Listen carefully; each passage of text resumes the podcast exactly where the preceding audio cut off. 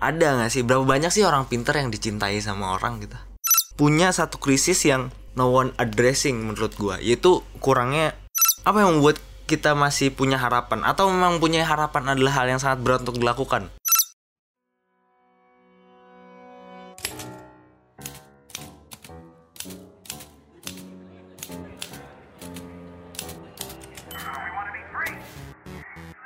We're gonna have a good time.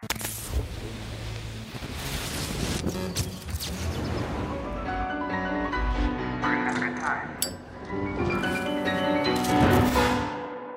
listening to Podcast Pecah.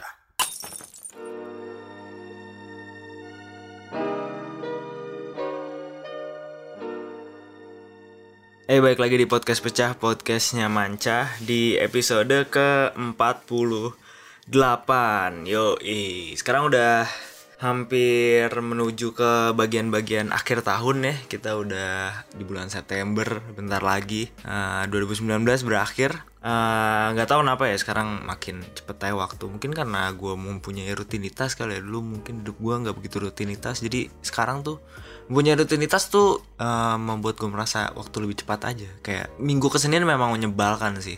Tapi setelah Senin Selasa terus kayak udah nggak kerasa udah Kamis terus Jumat dan weekend lagi dan mulai lagi dan lain sebagainya I don't know but yeah the point is eh, kita udah mau memasuki bagian akhir dari 2019 so buat semua yang telah merencanakan sesuatu dari awal tahun sampai uh, akhir tahun semacam apa sih resolusi 2019 take a look at it again uh, udah sampai mana udah kayak gimana karena itu yang bikin kita stay on the track gitu. at least kalaupun ternyata ketika lo lihat nggak stay on your track paling nggak lo bisa menilai is it good enough or not something like that so that's why we can always grow and be better of us But anyway, sebenarnya gue nggak begitu suka membicarakan hal-hal yang baru terjadi. I mean, let's say gue nge-podcast ini uh, tanggal sekian, terus gue nge-recap apa yang seminggu kejadian. Karena I know you guys must probably know about it and my opinion that talk about it is doesn't mean enough. I mean, siapa gue juga gitu opini gue not matter anyway gitu. Dan tidak semuanya gue paham but ya ya udahlah mari lakuin aja. Karena uh, coba kita lihat lagi seminggu ini paling nggak ada beberapa hal-hal yang terjadi di Indonesia gitu ya. Uh, melihat dari informasi-informasi yang berputar di media massa pertama yang jelas ada RUU KPK sad yeah but yeah it happens shit but oke okay. yang pertama kedua ada uh, karhutla kebakaran hutan dan lahan itu di yang di Riau ataupun di Kalimantan. Kesel banget gue terus eh apalagi ada karena kebakaran hutan jelas ada apa kualitas udara yang menurun. Itu udah banyak yang ngepost tentang betapa hancurnya gitu. Eh, kualitas udara di daerahnya dia. Di daerah-daerah yang eh, terjadi karhutla kayak sampai eh, harusnya tuh measurementnya tuh sampai gope. Eh, tapi di sana sampai hampir dua kali lipatnya almost seribu atau bahkan mungkin ada yang seribu kalau nggak salah Ya, dan eh, yang terakhir yang minggu ini sangat eh, banyak dibicarakan adalah terkait eh, meninggalnya the one and only, the greatest man eh, that this country might ever seen, I think. Ya meninggalnya yang Habibie gitu, presiden ketiga kita. So, eh, dengan semua itu gue hari ini kali ini hari ini gue mau membahas tentang yang meninggalnya yang Habibie karena bukan berarti yang RUU KPK, Karhutla, Air Quality, something that itu nggak penting tapi mana? Gue sangat sedih gitu dengan dengan meninggalnya beliau. Karena uh, for me he was like a big inspiration beside Hatta.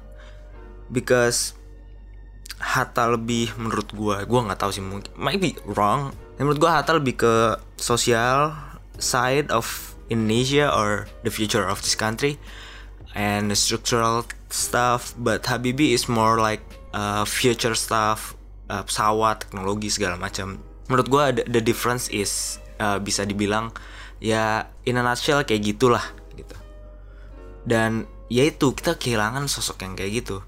Dan eh, segala macam permasalahan tadi dan ditambah kehilangan BJ Habibie itu make this condition current condition even worse gitu. karena ya we lost him bro. Kayak apa sih gitu yang yang yang yang bisa menggantikan dia? Bukan apa sih siapa sih yang bisa menggantikan dia?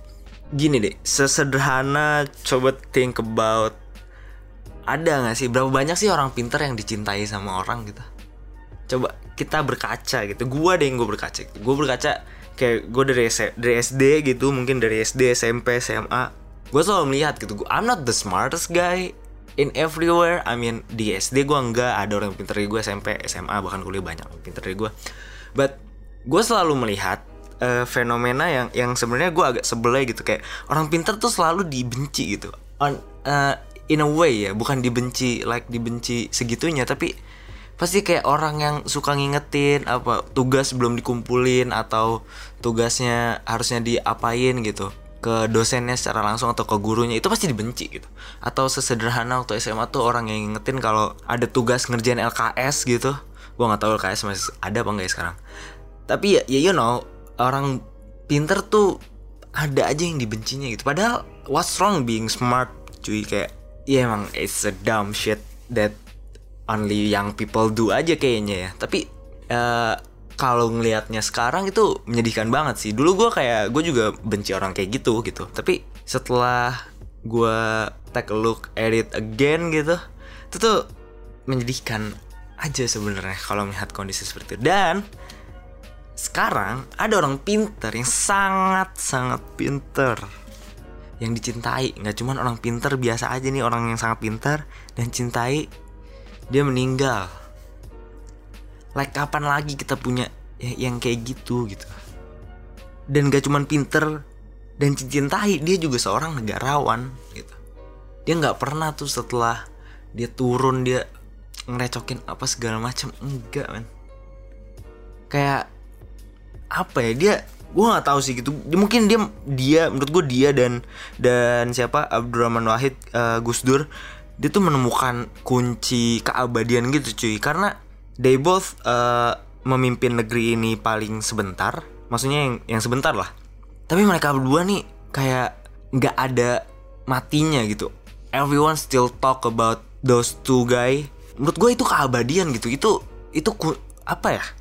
Itu keabadian menurut gue karena Gus Dur dalam mati masih ada orang make eh, embel-embelnya kalau dia Gus Durian dan segala macam gitu masih menjalani jalan kehidupannya masih mempercayai kata-katanya masih mengamalkan apa yang dia eh, percaya dari Gus Dur dan segala macamnya. Intinya masih punya pengikut dan pengikutnya ini nggak nggak nggak bodoh gitu. Dia mengikuti dengan pemikirannya dengan ya dia paham apa yang dia ikuti. Dan Habibie pun menurut gua bakal sama nih karena ya apa sih yang yang yang nggak bisa kita ikuti dari Habibie? Maksudnya nggak bisa kita contohkan ke Habibie gitu. Kayak dia pintar dia anak seorang janda tapi dia uh, sekolah di uh, Indonesia di ITB terus ke Jerman dan segala macam menjadi apa. Sebagai suami dia bisa sebagai contoh. Sebagai negarawan dia bisa sebagai contoh. Sebagai anak dia bisa jadi sebagai contoh.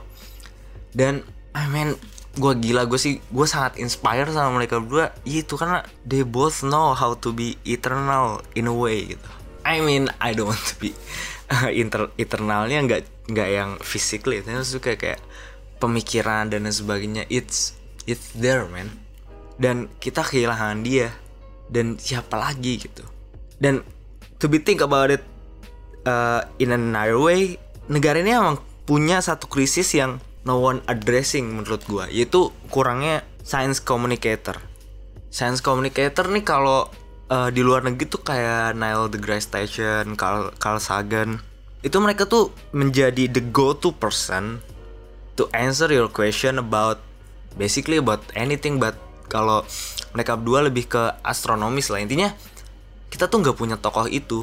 Habibie tuh dulu eh gua nggak tahu sih dia kayak gimana tapi paling nggak dia menginspirasi gua buat eh apa ya do the best gitu eh.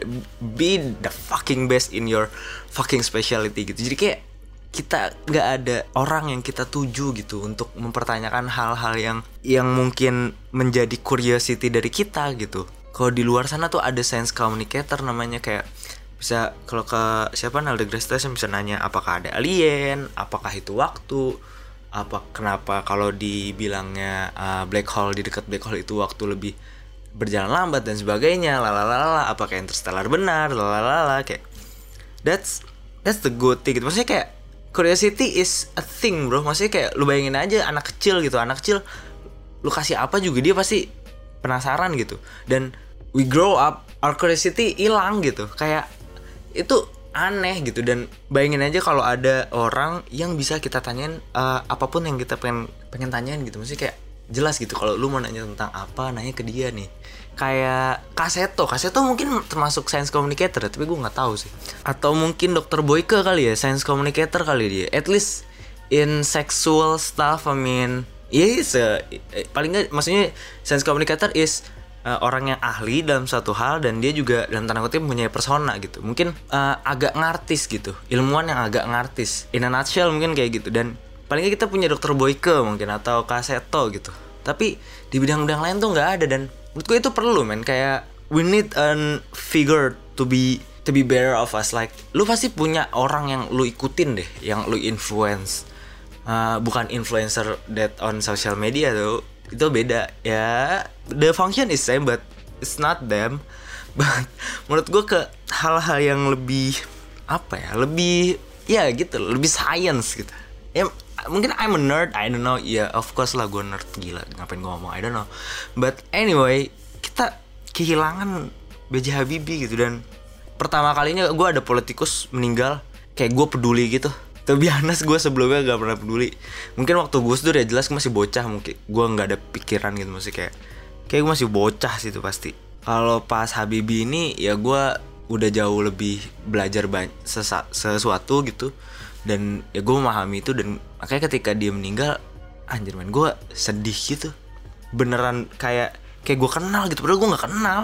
As in person ya lah dia gue kenal dia sebagai figur gitu. Ketemu nggak pernah abang nggak pernah iya jelas lah emai tapi gue dapet feel sadnya gitu loh. Berasa kenal berasa kenal berasa kenal parah banget sih. The big question dengan kondisi yang kayak gini tadi ada RUU KPK ada apa karhutla ada apa sih kualitas udara yang kacau? Terus juga ada tentang ham kita yang masih dipertanyakan masalah Papua. Juga ditambah lagi ninggalnya yang Habibie gitu. Maksud gue kayak gimana caranya memaintain sebuah hope gitu harapan gitu. Apa yang kita bisa pegang sebagai harapan gitu? Dengan semua kondisi ini. Kayak I want to have a hopeful mind about this but apa yang harus gue jadikan harapan gitu uh, gua. Gue siapa gitu. Dan sementara semua orang sangat berisik. Iya gue juga berisik. Maksud gue semua orang ah nggak tahu lah. Tapi apa yang membuat kita masih punya harapan? Atau memang punya harapan adalah hal yang sangat berat untuk dilakukan uh, di zaman yang sangat berisik ini? When everyone thinks their opinion matter like me how this podcast uh, hipokrit banget najis gue itu kayak nggak tahu men. Itu tuh apa ya? Gimana caranya punya harapan dengan kondisi seperti ini gitu? Siapa yang bisa menjadi figur paling nggak? Oh inilah harapan. Yang dibilang new hope aja ujung-ujungnya kayak kampret gitu. Bukan kayak kampret sih. Mari kita pelajari dulu. Gue mempelajari sedikit tapi mungkin gue mesti belajar banyak dulu biar gue ngomongin yang uh, itu. Uh, itu loh. Ini gue ngomongin yang tentang cover majalah itu. Kan ada New Hope terus ada cover majalah yang baru kan kayak gitu tuh uh, but ya yeah, gue nggak tahu uh, apa jawabannya. Paling nggak uh, semoga yang Habibie tenang di alam sana gitu. Banyak orang yang doain uh, ilmu nggak ada matinya. Uh, dan semua orang menyayangi dia.